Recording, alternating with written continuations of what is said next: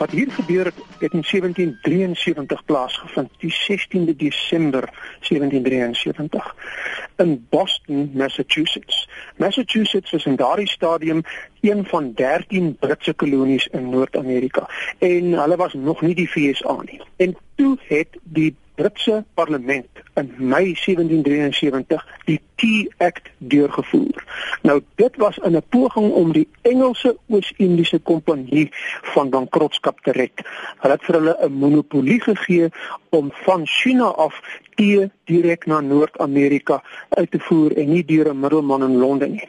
Dat die Britse koloniste in Massachusetts was woedend hieroor geweest want dit het beteken dat die plaaslike handelaars nie daardie tee kon hanteer nie en geld maak nie en veral belangrik was hulle gefrustreerd dat hulle moet luister na wetgewing deur die Britse parlement terwyl hulle argument was ons het geen seggenskap, geen verteenwoordiging in die Britse parlement nie.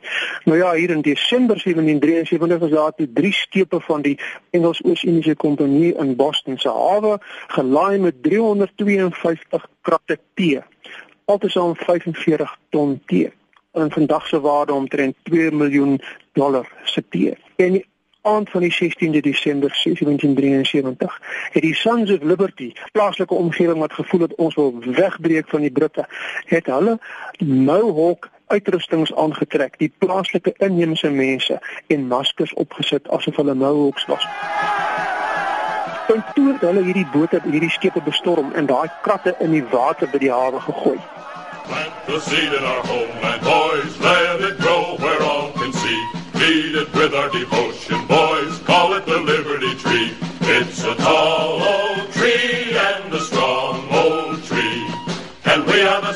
yes, we are the sons, the sons of liberty. En dit het natuurlik 'n hengse reaksie by die Britte uh, ontlok. Hulle het gekom in die Intolerance Act 1774 wat gemaak het dat Boston se hawe vir handel gesluit is, dat Massachusetts 'n militêre regering gekry het en so was dit die einde gewees van hulle eie seggenskap. En dit het aanleiding gegee tot organisasie van hierdie 13 Britse kolonies wat dan in 1775 teen Brittanje opgestaan het in die Amerikaanse Revolusie of Amerikaanse Vryheidsoorlog. Teen 1783 het die FSA al bestaan. It's a tall old tree and a strong old tree. And we are the sons, yes we are the sons, the sons. Hierdie gebeurtenis het so groot impak gehad dat daar nog steeds so beweging is. Die Tea Party movement en dit is binne die Republikeinse party uh, waar hulle self uh, baie konservatief posisioneer Hierdie beweging het in Januarie 2009 begin toe hulle beswaar gemaak het teen president Obama se poging om die bankrothuiseienaars te help. Hulle het gesê nee, ons weier dat die sentrale regering in Washington vir ons almal vertel wat ons moet doen. Daarom is die Tea Party movement nie eensgesind nie. Daar is verskeie agendas wat hulle het. Daar's nie 'n formele struktuur of 'n hiërargie nie. Dis maar 'n groep binne in die Republikeinse party. Dit is 'n populistiese beweging uh, van 'n klomp konservatiewes.